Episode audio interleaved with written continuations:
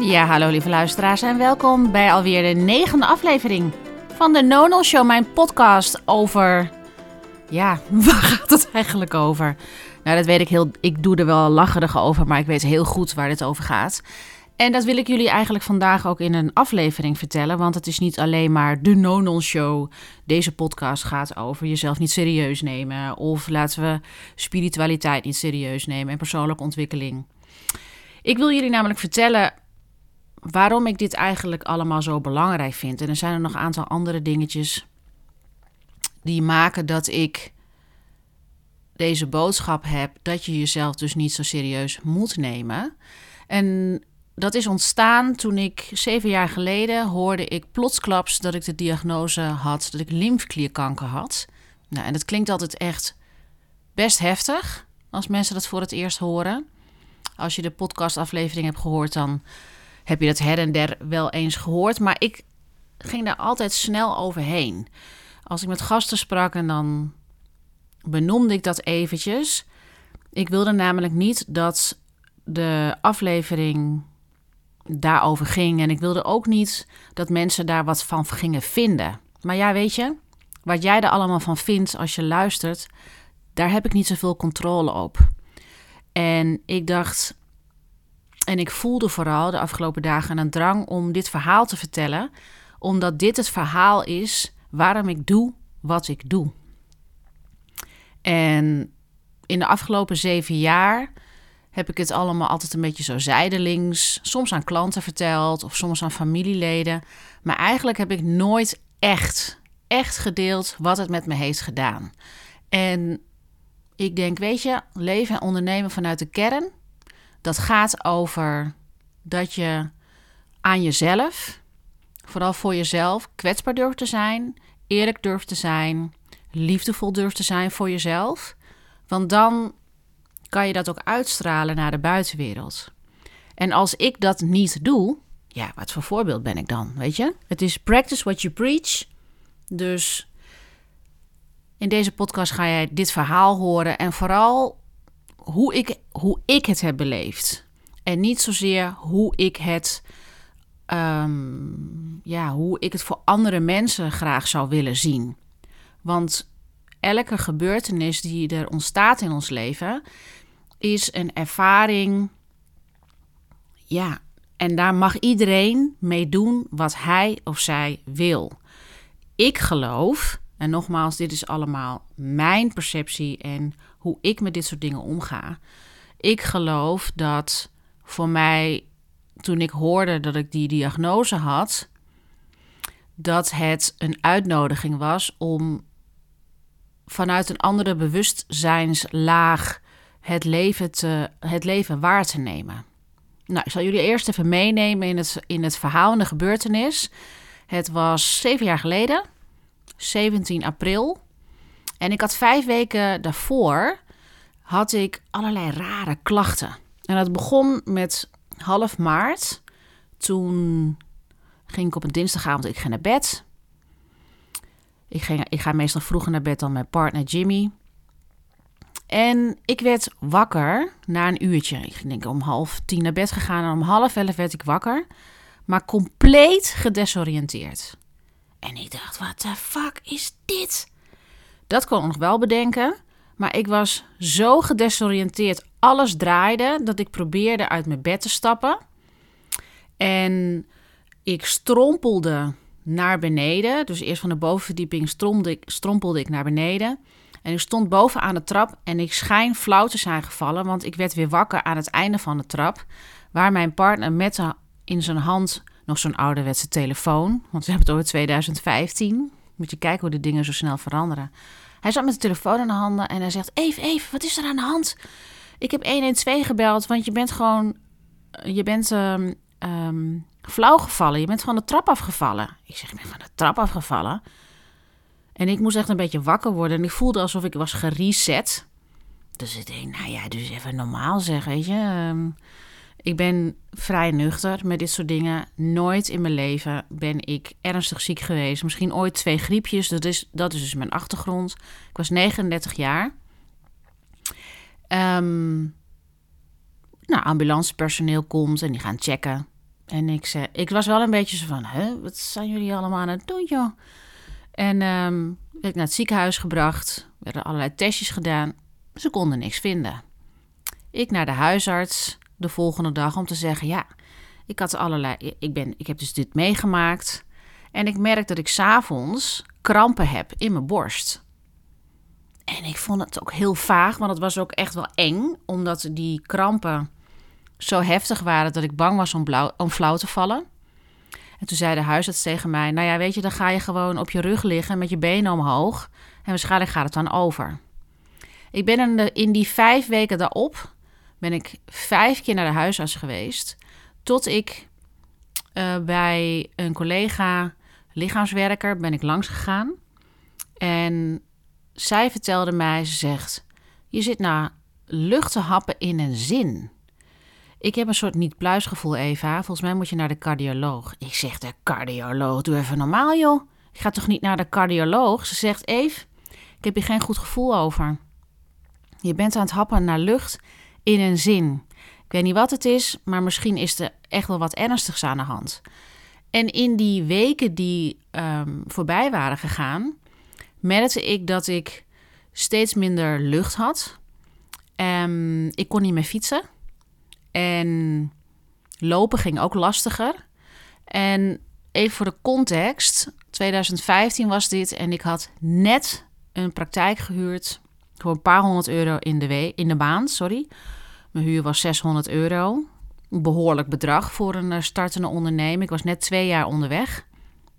En ik had een praktijk in um, loopbaancoaching, leiderschap en lichaamswerk. Rebalancing lichaamswerk. Ik, ik voerde echt een methode die ik toen had geleerd op de opleiding, voerde ik uit. En ik was heel druk bezig met uh, allemaal sessies, allemaal mensen, allemaal klanten te, uh, te ontvangen, te krijgen. En het bedrijf was heel erg aan het groeien, want ik had op het moment dat ik hoorde dat ik kanker had, had ik die week daarop 11 sessies staan. En dat was een soort van hoogtepunt voor mij in mijn startende onderneming. Maar ik dacht ten eerste, want toen vroeg ik nog 100 euro geloof ik, of 120 euro per sessie. Dacht ik, fuck man.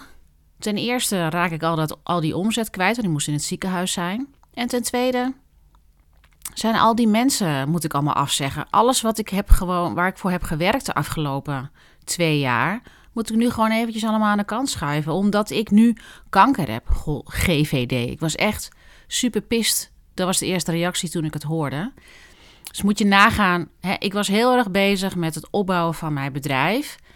En ik was niet zo bezig met de aftakeling die eigenlijk plaatsvond in mijn lichaam. Ja, ik ga me niet bedenken, ik heb kanker. Of ik heb een of andere hele ernstige ziekte. Um, want wat gebeurde er? Ik ging toen, nadat deze collega had verteld... volgens mij moet je naar de cardioloog... ga eerst even een afspraak maken met de huisarts. Dat was de volgende dag. Toen merkte zij hetzelfde op. Ze zei, je bent aan, naar het happen... je bent naar lucht aan het happen in een zin. Ik zeg, ja, maar wat betekent dat dan? Ja, dat kan zijn dat er iets is met lucht in je... of nee, met uh, vocht in je hart. Of nou ja, ik weet het niet. Ik denk, nou oké... Dus ze stuurde me door naar het ziekenhuis. Ik met mijn partner naar het ziekenhuis toe. Zitten we bij uh, de eerste hulp. En ik was aan het slapen, want ik was een beetje moe. We moesten wachten. En ik merkte dat ik dus moeier was. En dat ik gewoon echt een beetje aan het indommelen was. Komt er een co-assistent, uh, dokter, en die vraagt aan mij nog: Nou ja, wat is de historie van, van jullie gezin of van jullie familie? Ik zeg: Nou ja, weet je, ze gaan allemaal dood aan kanker. Zeg ik dus letterlijk, hè? Ze gaan allemaal dood aan kanker. Dus nee, dat is een beetje de voorgeschiedenis. En um, um, ik moest een foto maken. Dat hebben ze gedaan van mijn thorax, van uh, mijn borstgebied. En ze zeiden, ja, het enige wat we, kunnen wat we kunnen vinden is een soort verbreding achter je slokdarm. En ik denk, gelukkig, jullie hebben iets gevonden. Want mijn huisarts had in die weken daarvoor gezegd... volgens mij heb je last van hyperventilatie. En mijn man die dacht, volgens mij heb je heel veel stress, want je bent net begonnen en uh, je hebt die praktijk en je bent, bent gestrest over de huur betalen en dat soort dingen. Maar ik ken mezelf en ik wist dat dat niet aan de hand was en dat het echt iets fysieks was. Want die krampen, dat was niet iets van stress. Twee dagen later moest ik een CT-scan doen. Gelukkig lekker snel. Dat is dan dat ze vloeistof in je spuiten en dan kunnen ze heel precies foto's maken. Ik word binnen een uur word ik teruggebeld. En er zit een vrouw aan de telefoon en ik hoor dat ze een protocol aan het vertellen is. Hallo mevrouw, ja, wij proberen u te bereiken, want het onderzoek is niet goed gegaan. Wilt u alstublieft zo, kort, eh, zo snel mogelijk weer terugkomen naar het ziekenhuis? En ik vraag nog, moet ik een tasje meenemen? Want ik denk, ja, stel je voor dat ik er uren moet wachten en misschien moet ik zelfs overnachten in het ziekenhuis. Dan wil ik wel gewoon mijn pyjamaatje, tandenborsteltje en gewoon comfortabel zijn. Zo gezegd, zo gedaan. Ik ga naar het ziekenhuis samen met uh, mijn man en met twee kinderen, die waren toen drie en zes. En het is precies zoals in de film. We zitten in een wachtkamer. Er komen drie doktoren met witte jassen aan. Ze kijken vrij ernstig en ik denk: oh, dat is niet echt heel erg. Um, ja, het, is een beetje, het, het, leek een beetje onheilspellend. We zitten in de wacht, we zitten in de, dus in die wachtkamer gaan. We volgen de doktoren en we gaan in de dokterskamer zitten. En ik zal dat moment nooit vergeten. Want deze man, deze arts, oncoloog, hematoloog, slash hematoloog, ik wist niet eens wat een hematoloog was. Die zegt tegen mij: Mevrouw, we hebben een kwaadaardige tumor gevonden in een lymfnode achter uw hart en het is behandelbaar. Mijn man begint te huilen. De kinderen die maken niet echt heel erg van mee. En het enige wat ik voel is een soort ongeloof. Mijn eerste reactie was: ik kijk naar buiten en ik denk: God voor de godver. Ik heb volgende week heb ik 11 sessies staan. Trouwens, dat cijfer 11 zie ik de laatste paar weken. Dus het is wel heel interessant dat ik 11. Ik had echt 11 sessies staan. Vanaf de dag erop, op vrijdag. Maar ik zal het nooit vergeten dat ik dacht: God voor de godver. Dan hoor ik nu dat ik kanker heb. Wat de fuck is dat nou weer? Dat waren mijn gedachten. Hè? Ik kijk uit het raam en nou, lekker dan. Heb ik daar gewoon de hele tijd voor gewerkt, krijg ik opeens dit. Met andere woorden, het kwam helemaal niet eens binnen. Weet je, dat is ook gewoon iets wat, wat hoort bij slecht nieuws verwerken. Eh, eerst ongeloof. Het is hetzelfde als met rouw. Eerst kan je gewoon niet geloven dat iemand is overleden. Dus ga je in de ontkenning. Of je wordt gewoon uh, meteen boos. Dat is ook een fase van rouw. En het eerste wat ik zeg tegen die arts is: Oké, wat kan ik eraan doen dan? Wat kan ik eraan doen? En hij zegt, nou ja, je moet in het ziekenhuis blijven. En we gaan uh, morgen een biopsie doen om te kijken wat voor soort het is... om meteen zo snel mogelijk te beginnen met chemokuren. En bij chemokuren werd ik bang. Nou, en dat was eigenlijk het eerste moment. Daarna kwamen er heel veel dingen op me af. Want ze vroegen ook, als je die chemokuren gaat doen... was op dezelfde, dezelfde middag... Ze vroegen toen ook: Wil jij meer kinderen? Want dan moeten we eitjes invriezen. En ik dacht: Weet je, het zijn allemaal van die hele belangrijke beslissingen die je dan moet nemen. in één middag, van de dag op de nacht of van de nacht op de, op de dag. En dat je echt denkt: Sorry, wat gebeurt hier in vredesnaam?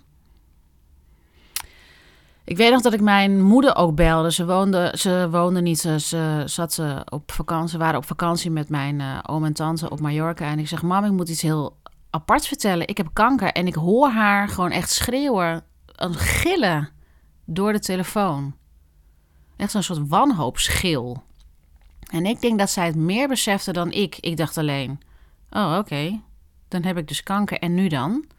En wat ik voor me zag was verlies van haar heel mager worden, niet kunnen eten, afte in mijn mond.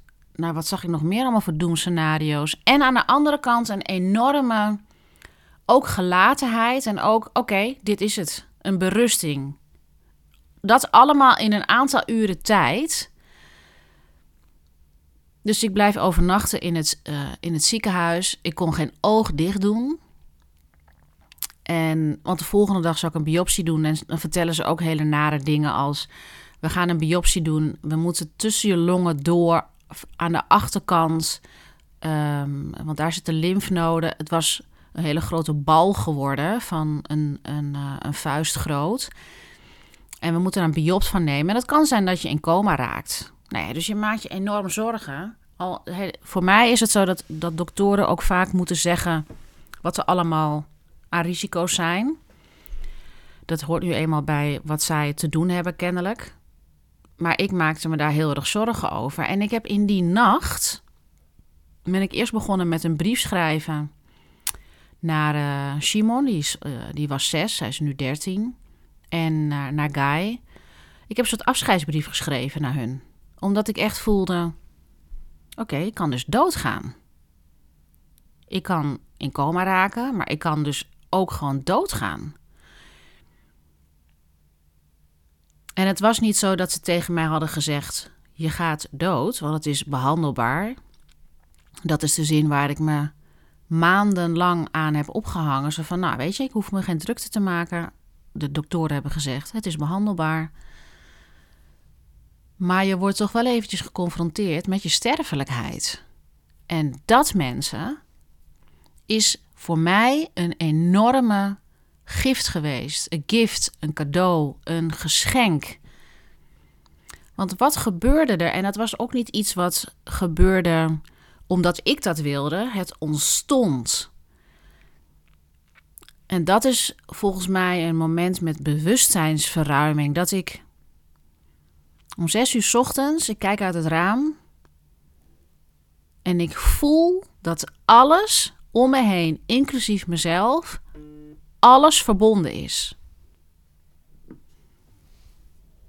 De bewuste eenheidservaring. Alles is verbonden met elkaar. En dat is ook hoe ik spiritualiteit zie. Dat ik niet apart ben van jij als luisteraar. Dat ik niet apart ben van andere mensen om me heen. Dat ik niet apart ben. Dat ik niet lossta van de wereld.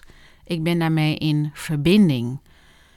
En dat dat wat ik doe en dat dat mijn energie is, dat dat effect heeft op een ander. Ik sta niet los van jou. Ik sta niet los van mijn omgeving. We zijn allemaal in verbinding. En we hebben allemaal invloed op elkaar. En ik vind het ook heel belangrijk dat we beseffen met z'n allen dat er een wederkerigheid is. Dus het is niet it's all on me of ik ben, ik ben alleen maar op mezelf en jij bent op jezelf. Nee, we zijn verbonden. En daar in dat moment voelde ik ook verbinding met mezelf en verbinding met God. En ik ga ook niet iets anders zeggen als dat het is. Ik voelde verbinding met God. En ik ben katholiek opgevoed. Dus ik heb het altijd gezien als een mannelijke energie, wat natuurlijk helemaal niet zo hoeft te zijn. Maar dat is even mijn ervaring. In een veld aanwezig zijn waar er geen afgescheidenheid is. Dat is wat ik bedoel met spiritualiteit. Dat is wat ik bedoel met die eenheidservaring die ik had. En de dag daarna zat, dacht ik, weet je, ik wil dat mijn spiritualiteit en mijn kijk op de dingen, dat ik die meeneem, dat ik die niet verberg. Dus ik was aan het mediteren op een stoel in de, in de, in de kamer, in de, in de ziekenhuiskamer. Want ik had zoiets van: het is belangrijk om te blijven mediteren. Het is belangrijk om verbinding te ervaren met mezelf en met de wereld om me heen, die ik, van de dingen die we misschien niet zien, maar wel ervaren, met het energieveld waar ik in zit. En in die meditatie kwam er een man achter me staan, een, een uh, Indiaan, een, een, uh, niet met een hoofdtooi op, maar met een wit t-shirt en een hele gewone verschoten spijkerbroek. Hij legde handen op mijn schouders.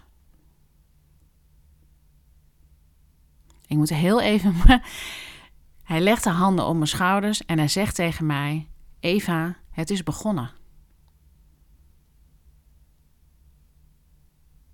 Ik raak gewoon nog steeds geëmotioneerd van, want het was zo'n moment alsof ik het gewoon, alsof het gisteren is geweest, of was het nu gebeurd. sommige momenten in ons leven die kennen geen uh, verleden en heden. Dat bestaat altijd. En voor mij was dat een, een realisatie of een ervaring die dus nog steeds effect heeft op mij. En die mij heeft wakker doen schudden met ten eerste, je hoeft niet te verbergen dat je gelooft in bepaalde spirituele wetten. Je hoeft niet te verbergen hoe jij de wereld ziet. Ehm, je hoeft niks van jezelf te verbergen. Kortom, je mag helemaal zijn wie jij bent.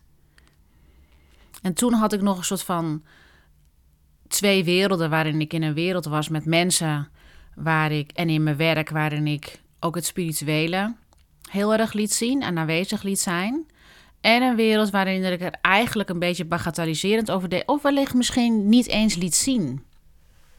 Ik was daar niet open over. En daar is dat echt, ja, laten we zeggen, er was geen verschil meer. Um, en dat is voor mij echt een soort keerpunt geweest in mijn leven. Die aantal dagen dat ik in het ziekenhuis was, waarin ik zo'n ongelooflijk vertrouwen voelde. Door me zo verbonden te voelen met God en door me zo verbonden te voelen met de berichten die ik ervaarde vanuit de ongeziene wereld, laten we maar even zeggen. Dat heeft me zoveel kracht gegeven om in het traject van de chemokuren en alle medicijnen die ik moest en wilde nemen om te kunnen genezen van kanker. Uiteindelijk ben ik namelijk zeven maanden of zes maanden heb ik acht chemokuren ontvangen, immunotherapie. Dat was één keer in de drie weken. En dan was ik één keer eh, op een dinsdag, ging ik daar naar het ziekenhuis en dan dienden ze de uh, medicijnen toe. En dan was ik ongeveer zes uur mee bezig. En dan was ik de dagen daarna, voelde ik me altijd, nou ja, behoorlijk moe. En um, moest ik daar echt wel van herstellen. Maar ik heb wel zoveel mogelijk mijn werk gedaan.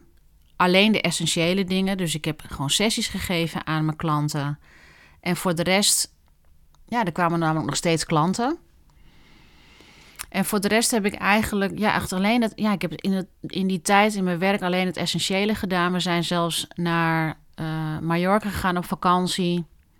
Um, ik ben zelf toen, omdat de chemokuren vielen, ook tijdens de vakantie, heb ik gezegd: We hebben kinderen. Ik wil dat het leven zoveel mogelijk gewoon doorgaat. Want het leven gaat door. Ik ga niet op een pauzeknop drukken. Wat ik wel ga doen is mijn tempo aanpassen op de behandelingen en op hoe ik me voel en hoe ik me ervaar, hoe ik uh, de dingen en het leven ervaar. Dus ik ben gewoon gaan vertragen. Um, dus ik ben ook toen we naar Mallorca gingen, toen ben ik op en neer gegaan. De, in, de een, geloof ik, op maandag um, ging ik van Mallorca naar uh, Nederland. En op dinsdag had ik een chemokuur. En op woensdag zat ik weer terug in het uh, vliegtuig. Om weer lekker mijn vakantie te vervolgen. Tenminste, lekker mijn vakantie, mijn verblijf te vervolgen. En ik moet zeggen dat ik echt ook geen enkel moment heb gedacht: waarom overkomt mij dit? Omdat het vanaf het begin af aan duidelijk was. Wat voor mij de ervaring in kanker mij duidelijk heeft gemaakt, is, of niet zozeer duidelijk, er zat een boodschap in. Wat ik net al vertelde, die eerste dagen. Het was eerder een uitnodiging om met meer bewustzijn te leven, om me bewust te worden van wat ik te doen heb, wat mijn zielstaak is. En door zo'n shock-initiatie zelf wakker worden en zelf ook meer vanuit de kern te leven en ook te ondernemen. En als we nu fast forward zeven jaar later verder, uh, verder zijn, dan heeft die ervaring van toen en die reis in kanker heeft een diepere betekenis gekregen nog, omdat we zeven jaar verder zijn en ik nu meer dan ooit heel helder heb wat ik te doen heb. En dat is om jou als je luistert. Of de mensen waarmee ik in een businessdag samenwerk of in een businessprogramma samenwerk. Dat je dan bewust bent van wie je werkelijk bent. Van jouw kern. En dat je alle sluiers van wie jij gelooft dat jij bent, dat je die af kan doen. Dat je die kan deprogrammeren. Gewoon om je daar de focus niet meer op te leggen. Om je diep te beseffen: ik ben liefde en vertrouwen. En wat ik te doen heb, is dit, dit of dit. En dat is niet iets wat je altijd in woorden kan vangen, maar dat is wel iets wat je kan voelen op een dieper niveau. En als je dat voelt, dan is het ten eerste ook voor jezelf. Want ik geloof niet dat het mijn taak is om mensen echt gewoon door elkaar te rammelen. En dat het mijn taak is om, nou, ik ga even de wereld verlichten. Zo, zo zie ik dat niet. Dat is niet, zo zwart-wit is het niet. Het is eerder als ik daarmee in contact ben met die energie en met mijn kern, dan is het bijna onmogelijk dat andere mensen niet ook ergens gaan voelen: oh ja, maar dit is mijn kern. En weet je waarom het zo gaaf is om je eigen kern te ervaren? Dat is omdat je je dan gewoon senang voelt. Je voelt je ja, innerlijke rust. Je voelt je ontspannen. Je voelt je vrolijk of je voelt je onbezorgd je bent gewoon eigenlijk je ongeconditioneerde zelf. En dat is eigenlijk volgens mij helemaal de bedoeling. Want het is vrij tragisch dat we als nestblijvers, als biologisch, biologisch ons ras of onze zijn, mensen zijn hele hulpeloze wezentjes. Als jij wordt geboren en we worden super geprogrammeerd door allerlei beschermingsmechanismes en patronen die we overnemen van onze ouders of van onze verzorgers, maar ook van de voorouders die er waren in onze cellen via genetica. Weet je, het is, uh, het, het is, het is bijna, we worden geprogrammeerd. En dan worden we, is het weer de bedoeling om jezelf te deprogrammeren, omdat je ergens op een gegeven moment in je leven merkt maar ik voel me niet helemaal in lijn met mezelf. En dat merken we doordat we bijvoorbeeld ons werk niet meer leuk gaan vinden. Of we hebben gewoon geen zin. Of we hebben het lastig met, een, met onze partner. Daar gaan we van scheiden. Of um, er gaat een kind dood. Of we krijgen iets, we krijgen kanker. Um, en ik was laatst podcast aan het luisteren van Byron Katie en Oprah Winfrey. En Byron Katie heeft het over dat al het lijden heeft te maken met dat we onze uh, stressgedachtes geloven. En misschien luister je dit en denk je, nou Evie doet hier wel een beetje ongevoelig over. Hè, hoe kan je... Dat weet ik niet hoor, maar... Ja, ik zit niet in het drama of van dit is me overkomen. Ik zie het echt als een kracht. En natuurlijk is het voor iedereen anders. Maar wat mij, en dat was altijd van nature, hè, dat heb ik niet van Byron Katie, maar ik, ik, ik, ik geef het voorbeeld omdat zij heel duidelijk aangeeft met als jij jouw stressgedachten gelooft, dan ben je aan het lijden. Dan kan je verdrietig erover zijn, dan kan je boos erover zijn, dan kan je gefrustreerd erover zijn. En ik geloof dat kanker mij heel, heel erg heeft doen beseffen. Ik ben sterfelijk. Dus laat ik er dan maar wat van gaan maken. Ik ben 39. Ik heb misschien nog 40 jaar. Laten we zeggen dat de helft van het leven zijn. 80 jaar, 90. Hè, in de meest ideale situatie. Dus ik zit op de helft. Dus ik heb nog 40 jaar te gaan. Dan is het toch zonde om me druk te maken over wat vindt een ander van mij dan is het zonde om me bezig te houden met de angst: oh, misschien word ik wel afgewezen. Dan is het zonde van mijn tijd om ehm, te denken: ik ben bang om te falen.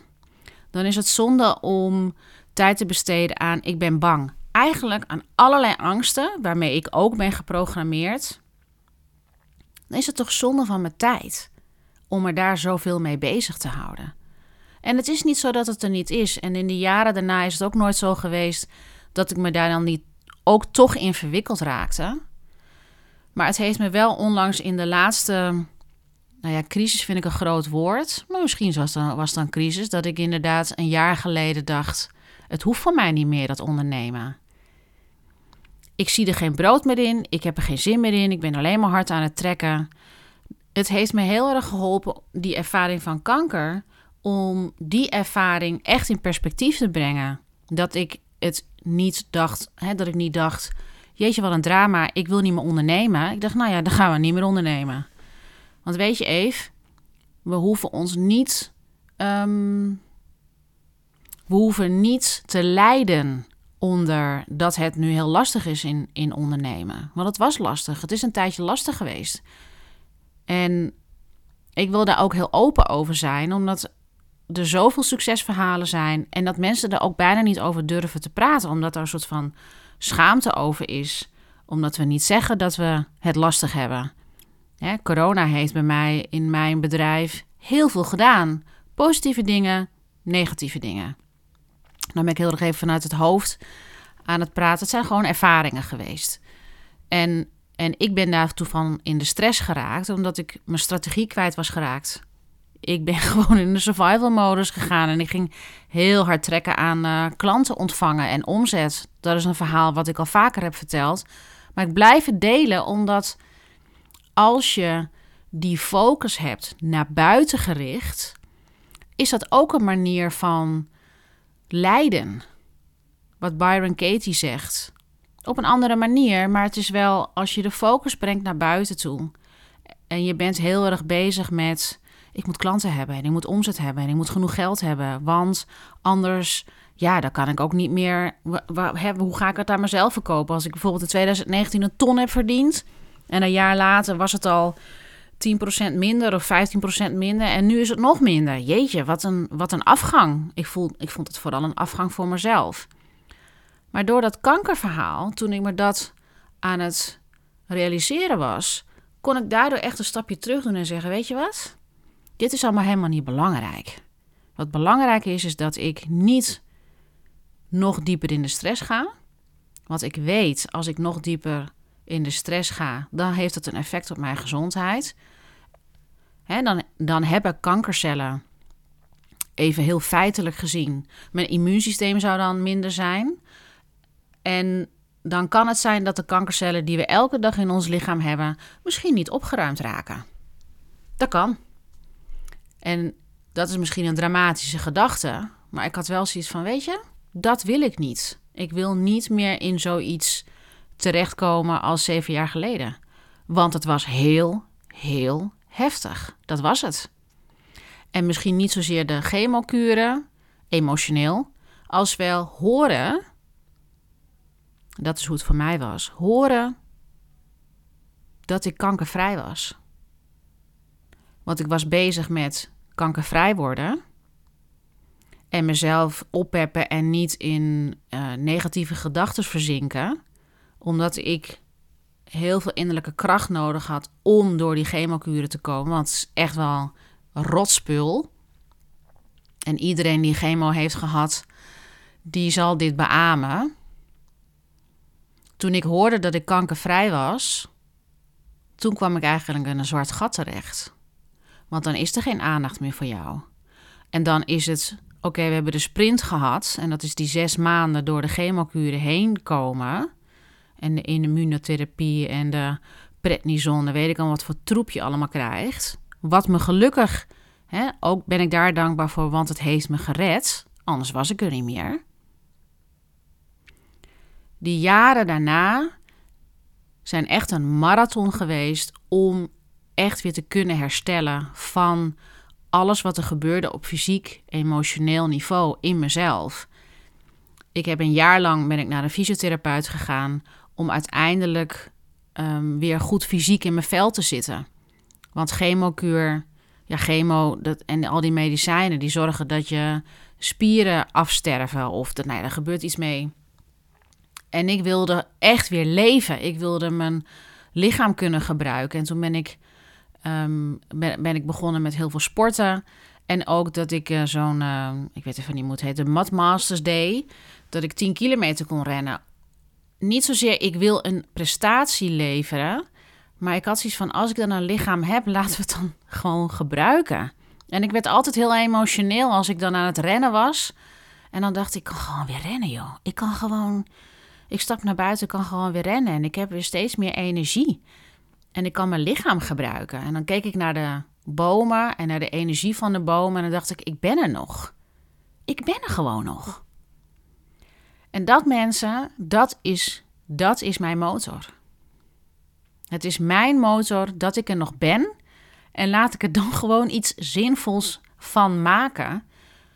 En dat jij ook perspectief leert hebben op de drukte die je misschien hebt. Of dat je denkt, dingen lukken gewoon niet. Of dat je je geen vervulling ervaart in je, in je onderneming. Omdat je zo bezig bent met alle ballen hoog houden. is zonde. Maak duidelijke keuzes voor jezelf. Wat vind jij belangrijk in jouw leven? Wat vind jij belangrijk in jouw onderneming? Welke bijdrage lever jij aan jouw onderneming? Welke bijdrage lever jij aan jezelf en aan anderen in je leven? Heb je daar wel eens over nagedacht? Of ben je alleen maar bezig met uurtjes geld verdienen? Of, en, en daar ken ik er ook een aantal van, schouderophalend, ja, ik weet het allemaal niet zo goed. Of ik weet helemaal niet wat mijn missie is. Ik sprak laatst een oud collega, ik weet niet of hij dit gaat horen. Hij is freelancer, business consultant. En, en uh, ja, ontvangt per uur natuurlijk uh, geld. En ik zei, waarom ga je... Hij zei van, ja, ik heb niet echt een hele leuke opdracht. Ik zeg, waarom ga je niet een maand vrij nemen? Ja, nee joh, dat is een uh, klap geld. Dat is een, een enorme investering. Toen dacht ik, ja, maar waarom verdien je geld? Je verdient toch geld om gewoon te genieten en te leven, maar ook om juist die mogelijkheden te kunnen creëren en de tijd te kunnen creëren om te leven. En als je gewoon lekker ergens naartoe wil reizen of je zou willen wandelen en gewoon de natuur willen ervaren, dat zou ik bijvoorbeeld willen doen. Dat je gewoon in de bergen rondloopt en denkt: wauw, ik sta hier in de bergen. Ik adem deze frisse lucht in. Weet je? En ik kijk naar al dat moois wat om me heen is. Dat is voor mij leven. En het is hartstikke leuk om een bedrijf te hebben. En het is hartstikke leuk om een winstgevend bedrijf te creëren. Absoluut. Dat vind ik als ondernemer vind ik dat ook heel erg leuk. Maar blijf de dingen in perspectief zien. En neem ook eens de tijd om te kijken waar haal je plezier uit? Waar haal je voldoening uit? Wat wil je mensen meegeven? Je hebt beperkt de tijd. Echt waar. Mocht je nu denken, kut, dit zijn wel even hele essentiële vragen waar ik het antwoord niet op weet. Ik wil dat eigenlijk samen met Eva. Ik wil dat samen met jou wil ik dat onderzoeken. Ik wil samen met jou wil ik onderzoeken hoe ik plezier ervaar. Wat mijn missie is, wat mijn visie is, wat mijn bijdrage is. Wat me vervult. Hoe kan ik dat perspectief nemen? Of je merkt, kut, ik, zit, ja, ik heb kanker. Of ik heb net een scheiding en ik um, weet het even niet meer, joh. Ik heb een hele drukke baan, of een drukke baan. Ik heb een, ik heb een onderneming, personeel en ik weet het even niet meer. Want het, het komt, er komt gewoon te veel op me af. Je kan het met mij, kan je samen een programma doen. En in dat programma gaan we kijken naar hoe jij in balans weer terug gaat naar jouw kern. Zodat jij jouw leven en je onderneming leidt van jouw kern. Waardoor er dingen automatisch in balans komen. En waardoor jij het grotere praatje gaat zien. Praatje, het grotere plaatje gaat zien. En ik meen dit uit de grond van mijn hart. Dit is niet iets van, oh, uh, nou, ik wil je lekker coachen, want... Uh... Nee, dit is, dit gaat echt fucking ergens over. En ik hoop dat je met deze aflevering ook hebt kunnen voelen dat het voor mij echt ergens over gaat. En cut the bullshit, weet je. Plastic fantastic of laten zien hoe succesvol je bent, maar ergens die leegte voelen of weet je, be real en ook wees eerlijk naar jezelf. Schuif het niet voor je uit.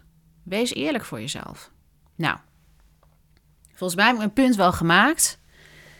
Ik hoop dat deze aflevering je heeft geïnspireerd. En mocht dat zo zijn, delen met andere mensen. Voor mij is dit een boodschap, een verhaal dat ik graag aan andere mensen deel. Niet omdat ik, oh moet je haar eens zien, krachtig zijn met haar kankerverhaal. Nee, het heeft mij doen inzien dat ik wakker werd. En ik hoop ergens in de energie achter de woorden dat jij ook voelt. Kut. Ja, ik ben een heel klein beetje wakker geworden. Of ik ben een heel klein beetje getriggerd. Deel het met andere mensen. Want het is belangrijk dat we uit deze droom van. Ja, een soort zombie-achtig. Of nou ja, weet je, er is toch niks aan te doen. Of laat ik maar gewoon doorgaan met dat wat ik deed. Zonder dat je echt de betekenis en vervulling voelt.